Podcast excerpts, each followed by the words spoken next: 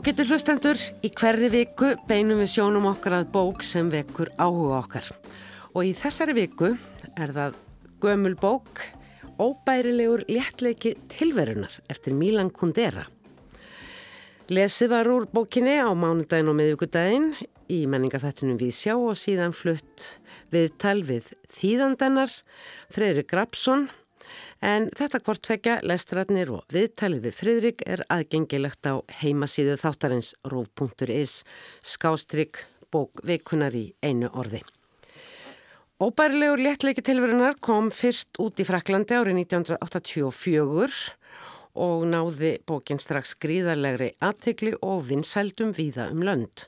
Íslensk þýðingbókarinnar eftir Fridrik Grafsson kom svo út tveimur árum síðar og En síðan hefur hún verið endurútgefin fjórum sinnum í íslenskri þýðingu nú síðast árið 2012 í rauðinni Erlend Klassik hjá forleginu.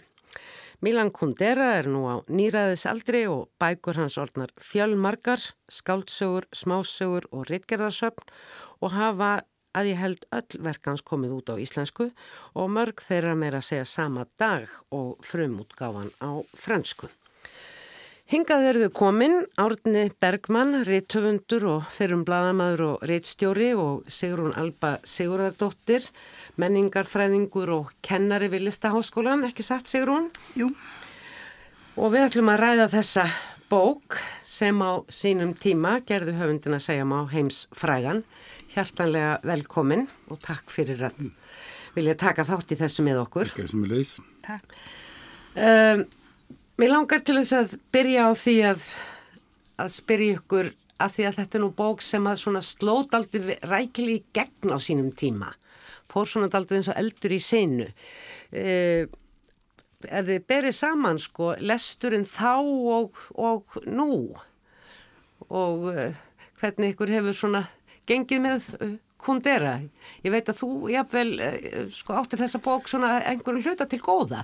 Núna. Já, einmitt. Ég var nú bara 13 ára þá hún kom út á íslensku Já. og hún fór svolítið fram hjá mér, verður við að kenna það og ég uppgöttaði ekki Kundera fyrir hennu ódöleikin kom út svona 17, þegar ég var 17-18 ára gömul mm. og þá tók ég miklu ástfóstri við hann og hef lesið alla bækurinnas oftar en einu sinni held ég alla nema þessa.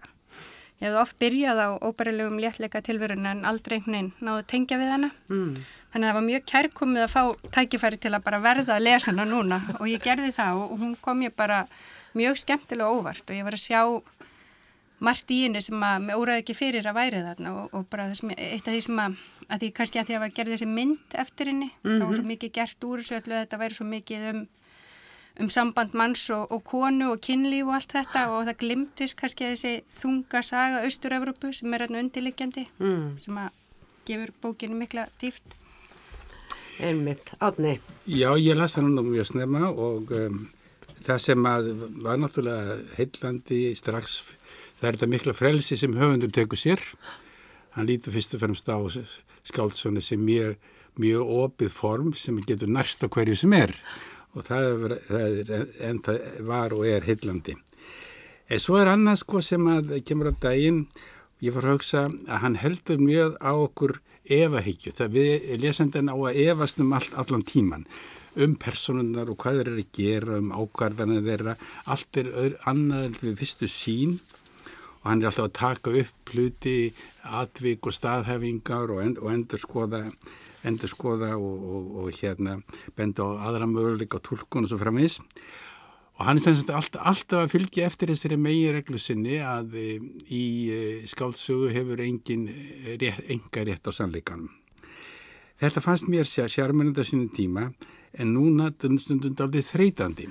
Það, það, það er að segja Sko, við erum vönd því að það sé samþygt Skáls, að skálsagnarhauður hann beru spurningu og hann þarf ekki að vera að svara þeim sjálfur og þá er eins og, er eins og aftast til þess að hann að hann, þjárm, hann, hann, fái lesandan til þess að, að búa til þau svör sem nöðsynlega eru. Mm. en, en, en sko þessi efahyggja er svo gagnsýrandi allt í sögunni að sko lesandi verður aldrei dasaður. Það er eins og hann hann getur, hann getur komist til þeirri niðurstöðu að það takir því ekki að vera að reyna svara þessum sem hann Emmitt Hérna, þú talaður um að þetta væri, eh, svona, hefði verið ofarlega á sínum tíma, þetta væri bók um uh, mann og konu, en sagan fjallar jú um fjórar personur, þrjár eiga í upphafi sögunar heim í Prag, skulleiknirinn Tómas og Teresa kona hans, sem að vinnur við framleiðsreðslu og er síðan ljósmyndar um hríð. Svo er það Sabine, listakonan og ástkona Tómasar og síðan fræðimadurinn Frans. Hann er reyndar svisneskur og hann er ástmaður Sabínu um síð sem að þá hefur flust til Züri í Sviss. Sagan gerist á 7. áratug síðustu aldar og tegið sinn á 8. áratugin eða á, eh, gerist á engar svona ömurlegun tímum í tekniskri sögu þegar rússar börðu niður frælsistilraunir þeirra í ágúst árið 1968. Tómas þess er kvennamaður og mikill evahygjumadur Hann þarf stöðut að vera að finna sér nýjar ástkonur þrátt fyrir ást sína á Teresu og eh, fer mikið hluti sjóunar í frásagnir af því og engum þó kannski afbreyð sem er Teresu. Sabínu elskar en má hins vera ekki til þess hugsa að bindast og svíkur hvert þann sem að gera sér líklegan til að skerða þetta frelsi hennar.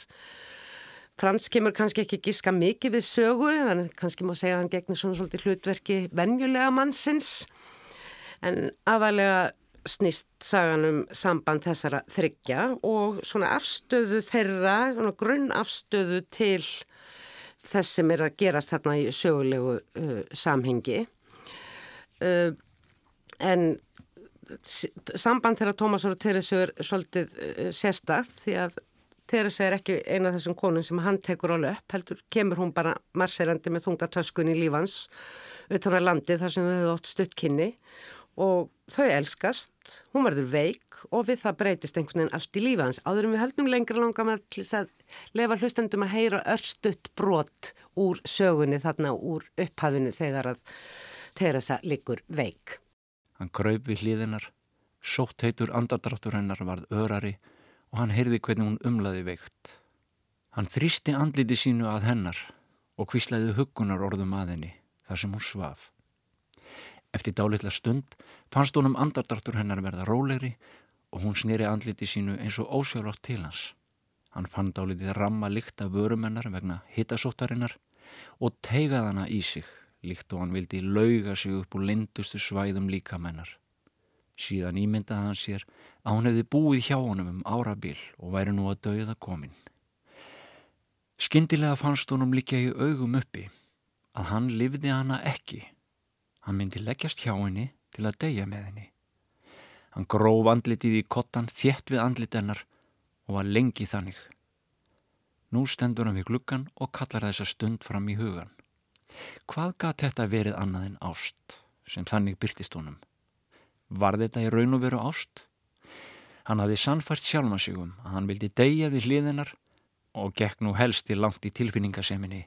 Hann var að hitta hann í annað skiptið á æfinni voruð þetta ekki frekar móðsíkisleg viðbröð manns sem innst inni vissi að hann var ófærum að elska og tók að leika sjónarspil ástarinnar fyrir sjálfan sig.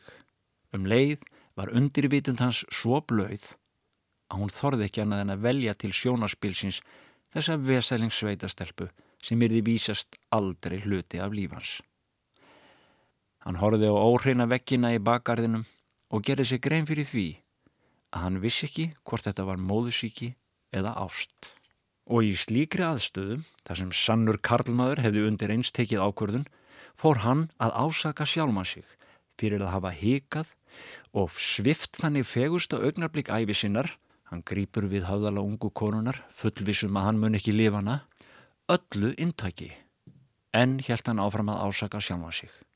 En loks hugsaði hann með sér að í raun og veru væri það eðlilegt að hann vissi ekki hvað hann vildi. Engin veit nokkur tíma hvað hann á að vilja því hann hefur aðeins eitt líf og getur því kvorki búrið að sama við fyrri líf nýja leðrætta í setni lífum. Já, þarna kristallast svolítið það sem að þú varst að segja átni ekki satt.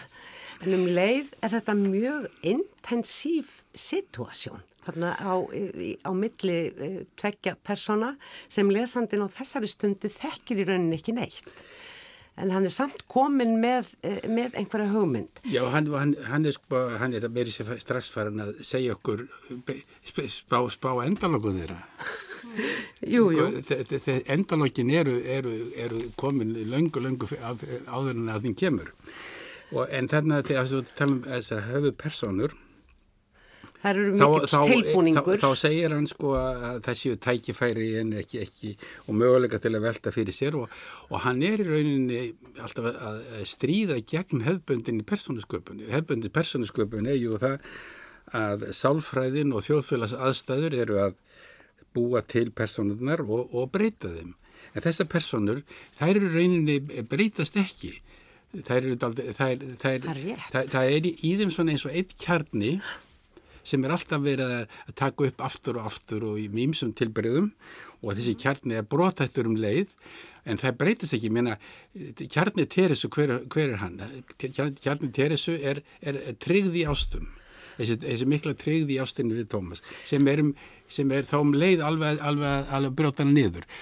Kjarni Sabínu og, og Tómasar er aldrei svipaður, hann, mm. hann er þessi að þau eru alltaf að flótta undan undan, eh, tryggð undan, undan því að tengjast tengjast einhverjum hvort sem það væri í enga lífi mm. eð, eða í, í, í, í, í politík eða öðrum sviðum. Já, þau eru samt svona fulltrúa fyrir nokkrar hugmyndir, allar personar, finnst mér. En svo, mm. sko, Teresa, hún fer til Tómasar til að líka með hennar verði einstakur og ómissandi. Hún þólir ekki þessa hugmynd um hún sé bara eitt líka með mörgum og ógreinlega í rauninni frá öðrum líkumum þannig hún vil sagt, að upplifa sig einstak og það er sér leita já, sjálfinu líka já, sem einnkynni alla persónunar. Já, það, það, er, það er líka draumurinn með henni sönn og miklu ást sem hún hefði treyð við. Það er tengt þessu sami kjarnar sem ég var að tala um. Sko. Mm.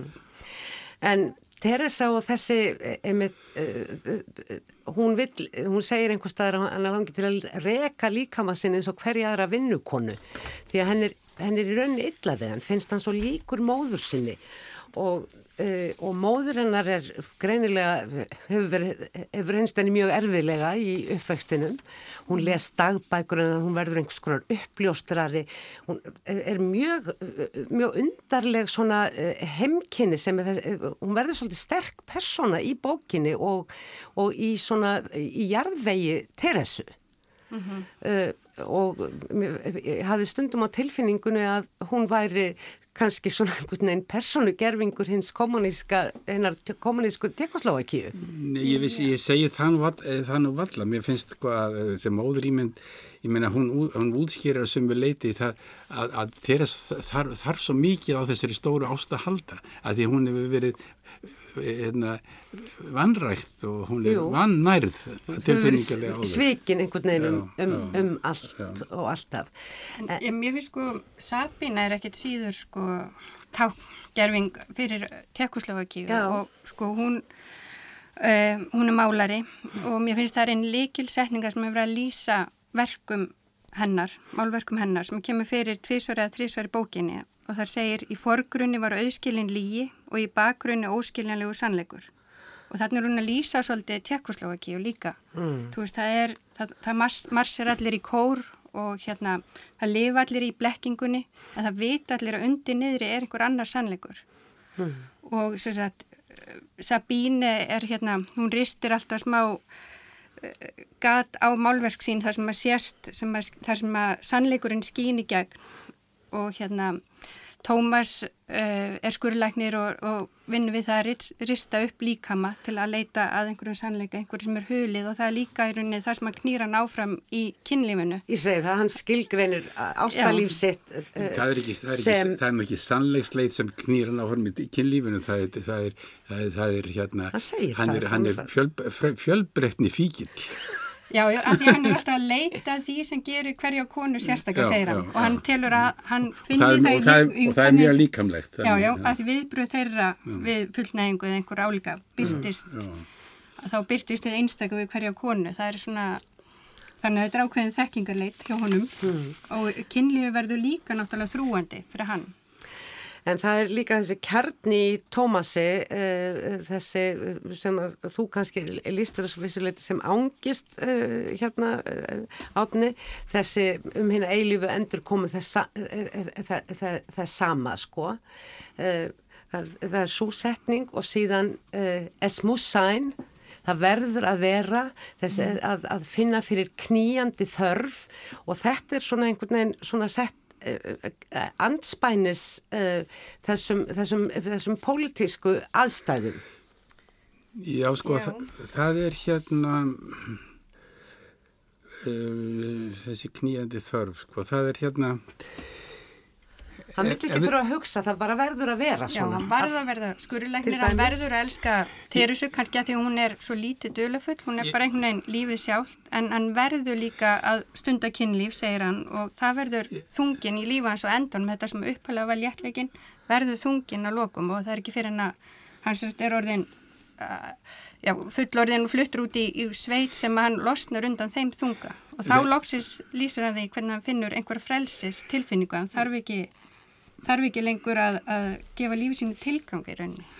Sko, það, það, það eru allar personir í þversagninu miðri og, við- og við vitum eiginlega aldrei hver, hver er sannleikurinn. Ég meina, e, þetta, þetta að vera óendalega endalist að le- leita þessum fjölbyrdileika í ástum, það sem, það, það sem ekki, það sem hann er að leita því sem ekki endur tekur sig. Og svo um leið þ- þörf fyrir einhver, einhverja, ein, ein, eitthvað stabilitet e, þrátt fyrir allt. E, sko, all, all, allir vilja til dæmis að ástin sé eitthvað mjög merkild í lífið þeirra að hafa eitthvað verulegt vægi og þess vegna er, er, er, líka ta- talað um það að, að, að, að sko, hamingjan er, er, er það að vilja endurtekningu, ekki sett mm. Að þola hana. að þó, að þóla, ekki bara þóla hana heldur, heldur vilja hana Já, og- henni. og, og, sækjast eftir henni og, og hérna mm, það, eh, en, en sko það, það, það er eitt með, með þessar vangaveltur um svona hugtök eins og léttleiki og þungi og svo framvís að þá verður að segja eins og er að, að, að þegar maður eh, horfir eh, í endurliti þá finnst manni margt af þessu svona full abstrakt full abstrakt, það, það, tengist ekki við neitt svona sem að er, er sko er, eh, er mjög svona eitthvað, eitthvað brínt og, og áriðandi í sögunni.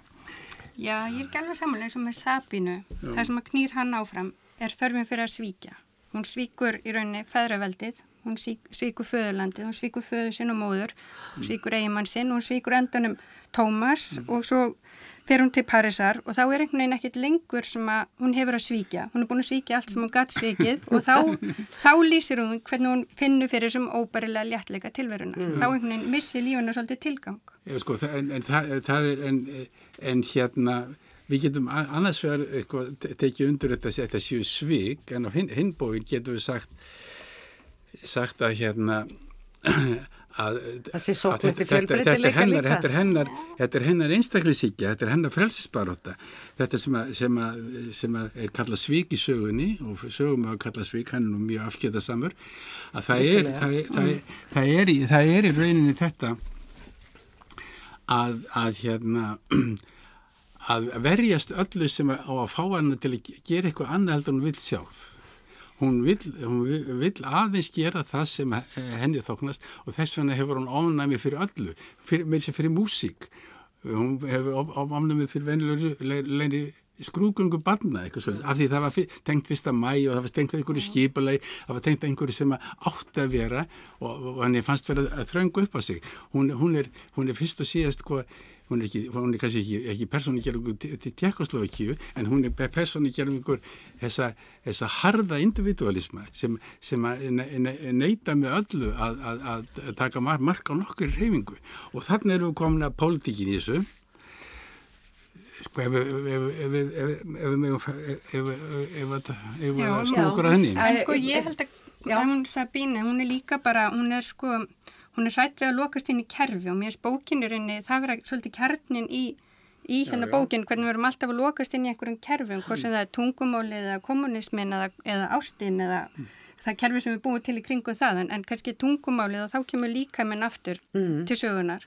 Líkaminn er þetta, þetta fyrirbæri sem maður lætur ekki hlekja sig niður í eitthvað kerfi, þú veist, hann haga sér hann, hann kemur okkur óvart eins og gatnagölið sem að Kundera lýsir að- sprott-. Já, þú veist, það er eitthvað hann lætur ekki alveg fullkomlega stjórn og hann er þess að daldið mikið raunveruleikin og meðan, meðan sagt, kerfið er blekkingi sem er búin til til að lifa af í þessu raunveruleika. Og þar er allt einhvern veginn saman komið í þessum líkama. Þar er léttleikin og þar er þungin, þar er ljótleikin og þar er fegurðin, þar er, uh, er sköpunin og þar er uh, úrgangurinn, mm -hmm. ekki satt. Sem er mjög mikilvægur. Já, heyrðu, á þessari stundu langar mig til þess að við hlustum á örlíti brot úr viðtælinu við, uh, við Freirik þegar ég og hluta að svara eins og spurningum minni hvaða saga var eiginlega sögð í bókinni og hann sagði að það væri eiginlega ekki með eina eina sögu að ræða. Við skulum heyra hvernig hann hérst áfram með þá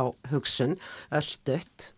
Fókusin hjá honum í öllum bókunum er á, við þetta skuld að draga upp mynd af ákveðnum karakterum í ákveðnu söglu samingi uh, og, en hann er ekki beint að segja sögu í þeirri merkingu sem við erum vön þar sé að ég uh, myndi ekki treysta með þess að rekja sögu þráðin beinlinni, svona þess að þeir eru mjög margir. En hann er frekar að nota uh,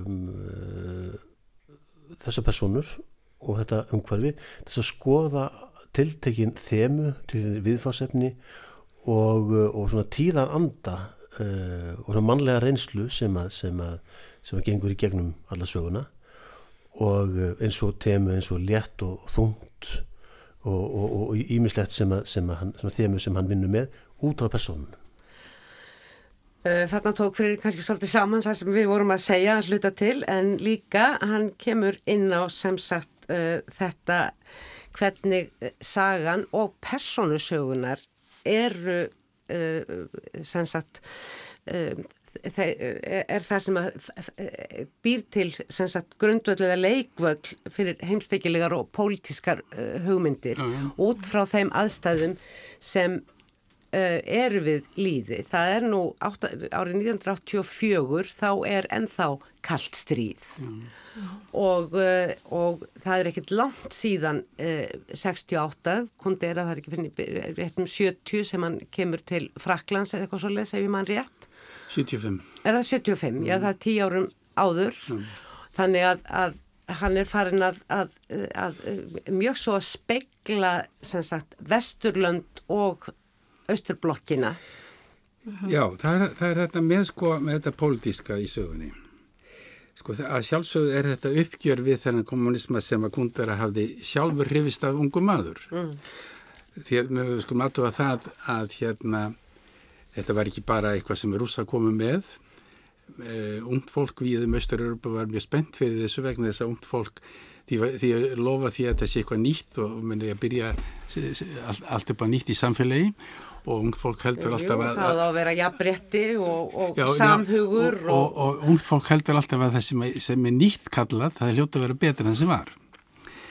En sko, og sagan er, er, er hérna, er auðvitað uppgefið þetta og við, við innrásina og hvernig þessi tilrönd til dúpsísk og þeirra með sósialisma, með mannlegu yfirbræða bælt niður og allt þetta En málið er að sko um leið er sagan uppgjör við sterka sannfæringu að hvaða tægi sem er, ekki satt. Já. Það fær engin að vera í friði, þetta er samúð eh, kundar vafalaust auðvitað með, með andósmönnum og, og með þeim sem eru að vera reykjum starfi og með Tómasi sem er, eh, sem er, sem er hækinn hérna úr, mm. frá sinni í kvöllun og allt, allt þetta. En það er engum hlýft það, það, það, það er um leið sko eh, með, með vissu háði og með vissum svona að vissum mm. kannski anstíkilheitum fannst sömum teknískum andáfsmönnum það verið að gera grína þeim sjálfum það verið að gera grína útlögunum sem aldrei geta komið sér saman um neitt og, og hérna það, er gert geisa að, að samstöðu vinstri sinni að vera mentamann eins og frans með tekkum, skiljiði mm. Mm -hmm. Það fær enginn að vera frið og, og, og, og skulum aðtöfa það að þetta var eitt af því sem gerði það verkum að, að, hérna, að Mílan Kundera komst aldrei almeinlega sátt við sitt eigi samfélagi upp frá þessu. Þessi bók er ennþann dag í dag ekkit vinstæli textlókju. Emi þetta að hann, að hann, hann, hann er svo fastur við þá skildu höfundar að ekkert sé einfalt Skilu, ekkert er svona tvískipting þarna er frelsið og, og hérna er ófrelsið og svo framvis og við getum Held, tekið afstöðum heldur, heldur, heldur, heldur er hann alltaf að leggja áherslu á það að þetta sé allt saman Já. Af því, allt, af því að ekki bara hjá Sabínu heldur hjá, heldur hjá kundara sjálfum að þá er ríkjandi þessi sterka einstaklisíkja allt sem að allt, allt, allt, allt sem heitir hreyfing gangan mikla í þá framfæran og svo framveist allt er þetta einhver þvingun gegn mínum persónleika og minni sérvisku mm. Þetta er, þetta, Já, þetta er ég- tema sem að Dostoyevski byrjaði mjög, mjög á sko. Já, en þetta er líka svona bara, þú veist, þessi sem að er gegnum gangandi í öllum bókunum hans, það er þetta hvernig fólk hrýfst af eigin eimd í raunni og hvað, hvað það verður einhvern veginn Ekki ógeðfært. eigin samúð. Jú, en já, nei, ég er meira svona, þú veist, þú upplifir sársöka og allt inn fyrir að dást á því hvað þú ert falleg þú upplifir sársökan. Það er rauninni þetta sem að held ég að fari mest í honum að því kannski að því að hann tók þátt í þessu og hann hreifst með, hann er 68 en það er eitthvað við það sem að hann var erfitt með að með, Kyngja með að kyngja eða, og hérna enda snýrist eins og allavega eins og hann lýsir þessu í þessari bók að þá snýrist þetta svolítið í höndunum á þeir engin viðburður uh, sem síndi vald rússa gegn öðrum þjóðum í Austurvörbu var eins vel myndaður og dokumentaraður eins og, eins og tjeknesku uppreisnin. En á endunum voru það rússar sem tóku ljósmyndinar og notuðu það gegn uppreisnum fólkinu. Já, já. og Sáu þú það það eru- mér finnst- handtaka. Já, Já, mér finnst já, það mitt flott hvernig tekst að varpa sko, þetta er ekki einföld saga, það er svo hliðar nei, sem nei, næra það, verstu það eru margar hliðir á þessu og það, og er þetta sko að hérna að, að sko hann, hann, hann, hann er hann, hann er alltaf að, að, að taka frá, til dæmis er hann tekur hann frá teristu þetta afrikanar að vera að ljósmynda þetta vegna þess að þessi sömu ljósmyndir eru notaðir í allt öfnum tilgangi. Og það er, það er, það er þessi sko þessi rótæka efi ekki um, um allt, um, um alla samfæringu um alla reyfingu, líka þá sem að, sem að maður er kannski sammála sem að, sem að, sem að er, svo, er svo sterkarna og ég vil, vil, vil vekja sérstaklega aðtegli á, á hlutverki kaplans miskilin orð sem eru samband Sabine og Frans. Og þannig er þau, sko, hún er teknisk og hann er, hann er, hann er vestar-Európu og hún er sem sagt stöðugt í þessu ei, alltaf um leið og eitthvað vill, vill eh, ná tangarhald á henni og festana við eitthvað, þá var hún farin og hún hafnar tryggði ástöðum og hún hafnar landinu og tónlist og mótmálgöngum og hverju sem er. Eh, eins og við varum minnst á áðan ef ég bara minnir á eitthvað sem hún átti að gera heim í Tjekklandi en meðan Frans er heillast af allum mótmæla aðgjörnum og mótmælagöngum og, og svo framvís og Hann er, er hann ekki góða fólkið? Nei, ég veit, mér finnst hann vera svolítið uh, skemmtilegu fulltrúi Vestur-Európu. Hann segir þarna, skrifa þetta niður, blæsi 116, segir um Frans, hann gerði sér ekki grein fyrir því að það sem honum fannst óraunverulegt, þar sé að starf hans inn að vekja bókasafna, var hefur raunverulega líf hans, en hópgöngunar sem hann taldi raunverulegar voru ekkit annað en leiksýningar, dans, hátíð með öðrum orðum draumur. Þannig er hann svolítið að gera grína Vestur-Európu búinum sem hrýfst að þjáningu Austur-Európu og hún er góður í því að benda á að það er ekkit alltaf fallegt við það að vera miður í þjá, þjáningunni. Það getur bara... Nei, það, það, það er, það, já, er, þetta, þetta, þetta er sko, það, er líka eitt sem ég, ég heyrði svo mjög, heyrði svo geysilofti samt yfir rúslandska bóbendur og andásmenn og svo framvís. Það er þetta sko að, hvað frans er hrif, hrifin af því að tekkar eiga reythöfunda sem hafa skrifað bækur sem eru bannaður og, og þe- þetta, þetta, er, þetta er bara sko, þetta er bara, þetta er bara sko í, í, í vestræn menningakreppa, þú getur skrifað hvað sem er og það er engi, sem banna neitt en það er heldur engi sem þið tekur mark af því. Og, og hérna og, og, og, og það segir einhverstað beinlýðis að Frans öfundaði tjekka yfir því að, að vera skrifa bækur sem að valdhafa töldu hættulegar og og fannst ástæði til að banna. Og þetta finnst Sabínu ömulegt og óverkilegt en, en sko en, en, en þið verður aðtöfa það að, að Sabína er í þessu dæmi e, sko ekki, ekki dæmi gerð fyrir, fyrir fólkur austurörbu því að, því að ég þekki það vel til, til landósmanna bæði, bæði tekneskra og, og rúsneskra á sínum tíma að, að, þeir voru einmitt afar stoltir af þessum, þessum andáslitteratur, af þessu samístat mm. sjálfsútgáfinni og allir því. Þann, þannig að sko að, að, að, að, að, að, að kundir að tekur Sabínu og sveigir hann undir sinn vilja. En Kundir er sko, samt, hann er líka svolítið sko missefnaður innflytjandi að því leiti hann hefur ekkert alveg fallið af frönsku samfélagi, hann er allstaðar útlendingur og, og hérna, hann lýsið þessu nú vel í þannig bókinni identitet, hann að, hvað heitir hún? Já, já, sko hann, Fáfræðin. fáfræðin. Það, það, það, það er nú, það er nú að vísu, maður getur maður sagt líka sko að það er nú, það er nú heilmikið vestrend, vestrend bókmyndatema að allir eru fyrtir, Jú, jú. allir eru einir og, og hérna og hérna og, og eins og einhver, einhver fransk áls sagði all, all tung, sér hver tunga er framandi. Ja. Já, Þú langar þetta að sér. En eitt sko með Sabínu, hún segir að það sé ekki hægt að lifa í sannleika ef maður er með áhörfundur. Þá er maður alltaf að reyna að þóknast einhverjum. Þetta er kannski, þetta ánáttúrulega kannski við um fólk allstaðar almennt, einhver hugmynd sem að kundir er verið að vinna með, en kannski sérstaklega í Austur-Európu. Já, ég meina, þetta, þetta, þetta, þetta lætur uh, kundar að ganga yfir alla, sko. Mm. Sko, það, það er þetta, þannig, komið þessu kitsi, skiljiði, að, að, að fólk hefur tilneyingu til þess að, að gæðjast öllum. Já, já, einmitt. Eða, eða gæðjast einhverju, einhverju ádiðin sem það hefur. Mm og, og, og þar með er, er komin falsku tótn í, pers, í personuna. Já, sko Frans þráir að vera áhörfundin, en hún þólir ekki að hafa. Þannig að...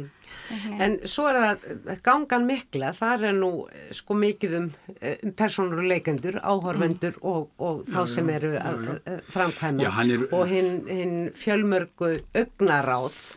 Já, já, hann, hann er mjögulega miskunnarlaus þegar hann er að lýsa þessari göngu til, til Kambútsjöfu. Já. Já, Og Sem að Frans fer í til þess að bjarga. Kvikmynda, kvikmyndastjarnan vil hafa eh, tíu vélar á sér og, Mm. og frakkarnir vilja ra- vera fremstir í göngun og amerikanandi vilja ráða hvað er sagt og, og, og allt þetta. Mhm. Já. Og, og, og, og það, það, það, það, er, er viss sko svona e, pórals, e, sko, það er viss e, móralskur og pólitískur nýhilismi í þessu saman. Já, Ha? já. Þetta, Já. þetta, þetta er allt kitsch.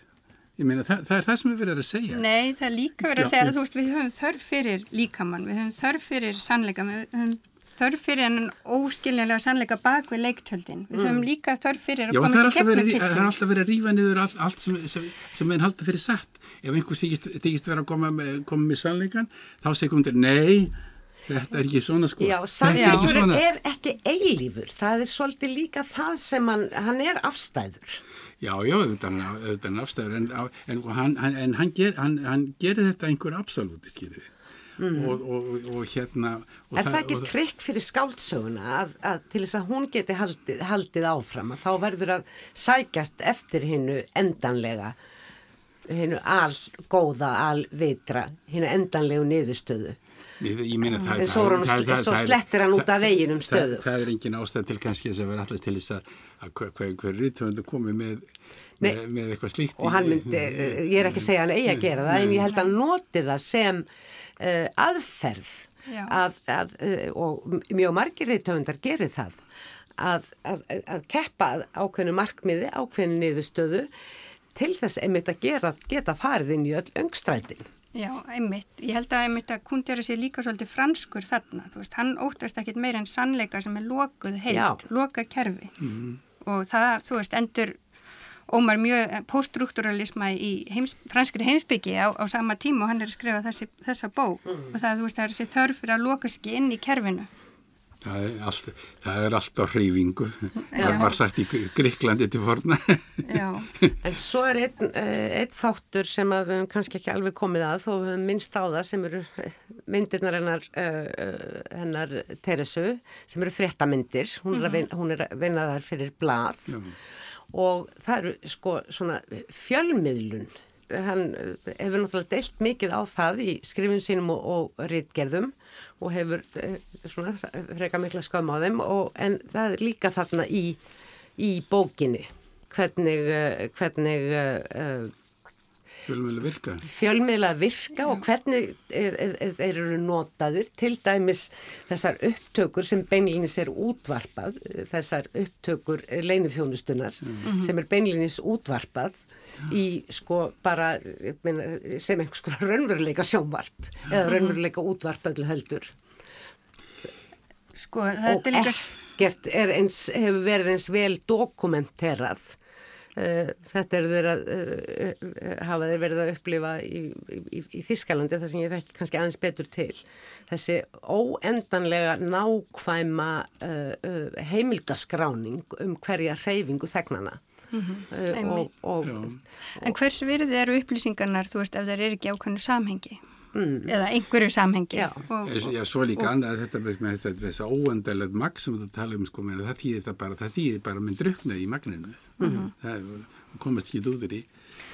Kannski er hann að taka upp þráðana frá Walter Benjamin sem við þekkjum líka þar Já. sem að hann teflir frásögninni gegn upplýsinga ofgnóttinni svolítið og, og talar um hvernig við þurfum, þurfum á frásögnin að halda til að geta tengt við viðburði og personur og Já, náttúrulega, er tímin er aðeins að hlaupa frá okkur. Uh, hérna, ég er að spekulera. Það er ekkert langt síðan þessi bók kom uh, viðist hafa komið aftur út í Bretlandi og þá var skrifað um hana í The Guardian að, uh, að þetta væri bók sem að uh, sem sagt væri uh, tengd ákveðnum sögulegum aðstæðum sem að á stundum væru henni sem skáldsögu fjötur um fót en eiga síður heldi hún mjög miklu, uh, mik miklu erendi enn þann dag í dag. Er þið sammála þessu? Já, ég menn þessi skáltsaga fjallar kannski í grunninn um vald og það er eitthvað sem að má alltaf skoða en þann dag í það er dag alltaf, að það, það, það, er alltaf eitthvað að gera af sér. já, Já, það er voða erfitt að, alltaf að segja uh, hvað, hvað, hvað endist. uh, Þetta er nú ekki nema uh, hvað 35 ára eitthvað svo leiðist, það er nú ekki mikið langur tími og, og hérna frels, bæði frelsi og ófrelsi og, lí- og líka uh, bakliðarnar á, á öllum hreyfingum og hugssjónum og allt þetta, þetta er, þetta er náttúrulega lí- lítur að vera alltaf í gangi. Og, og við erum einmitt, uh, það er náttúrulega að gera þessa sögu við erum einmitt en, en, en á þeim tíma þegar að menn, menn hafa fyrst og fremst verið að að tæta allt sundur með analýsum skiljuðu þannig að það með, með, með standa upp sko, menn er búin að uh, rífa sundur laukinas Pétur Skauts og, og standa upp, standa Já. upp um ekki neitt svo að, svo að það er uh, þetta, þetta er náttúrulega þetta er svona, já, skálsör Í gangi. kundera eru náttúrulega svona tilraunastofa með tákn og merkingu og með aðstæður og personur og samskipti og allt Manneskju, það og samfélag. það, já, það lítur alltaf vega erindi Einmitt. Við verðum vist að láta þetta verða loka orð. Sigrún Alba Siguradóttir og Átni Bergmann þakku kærlega fyrir að spjalla um bókina Óbærilegur léttleiki tilvörunar eftir Milan Kundera sem við þekkjum orðið öll svo vel. Takk fyrir.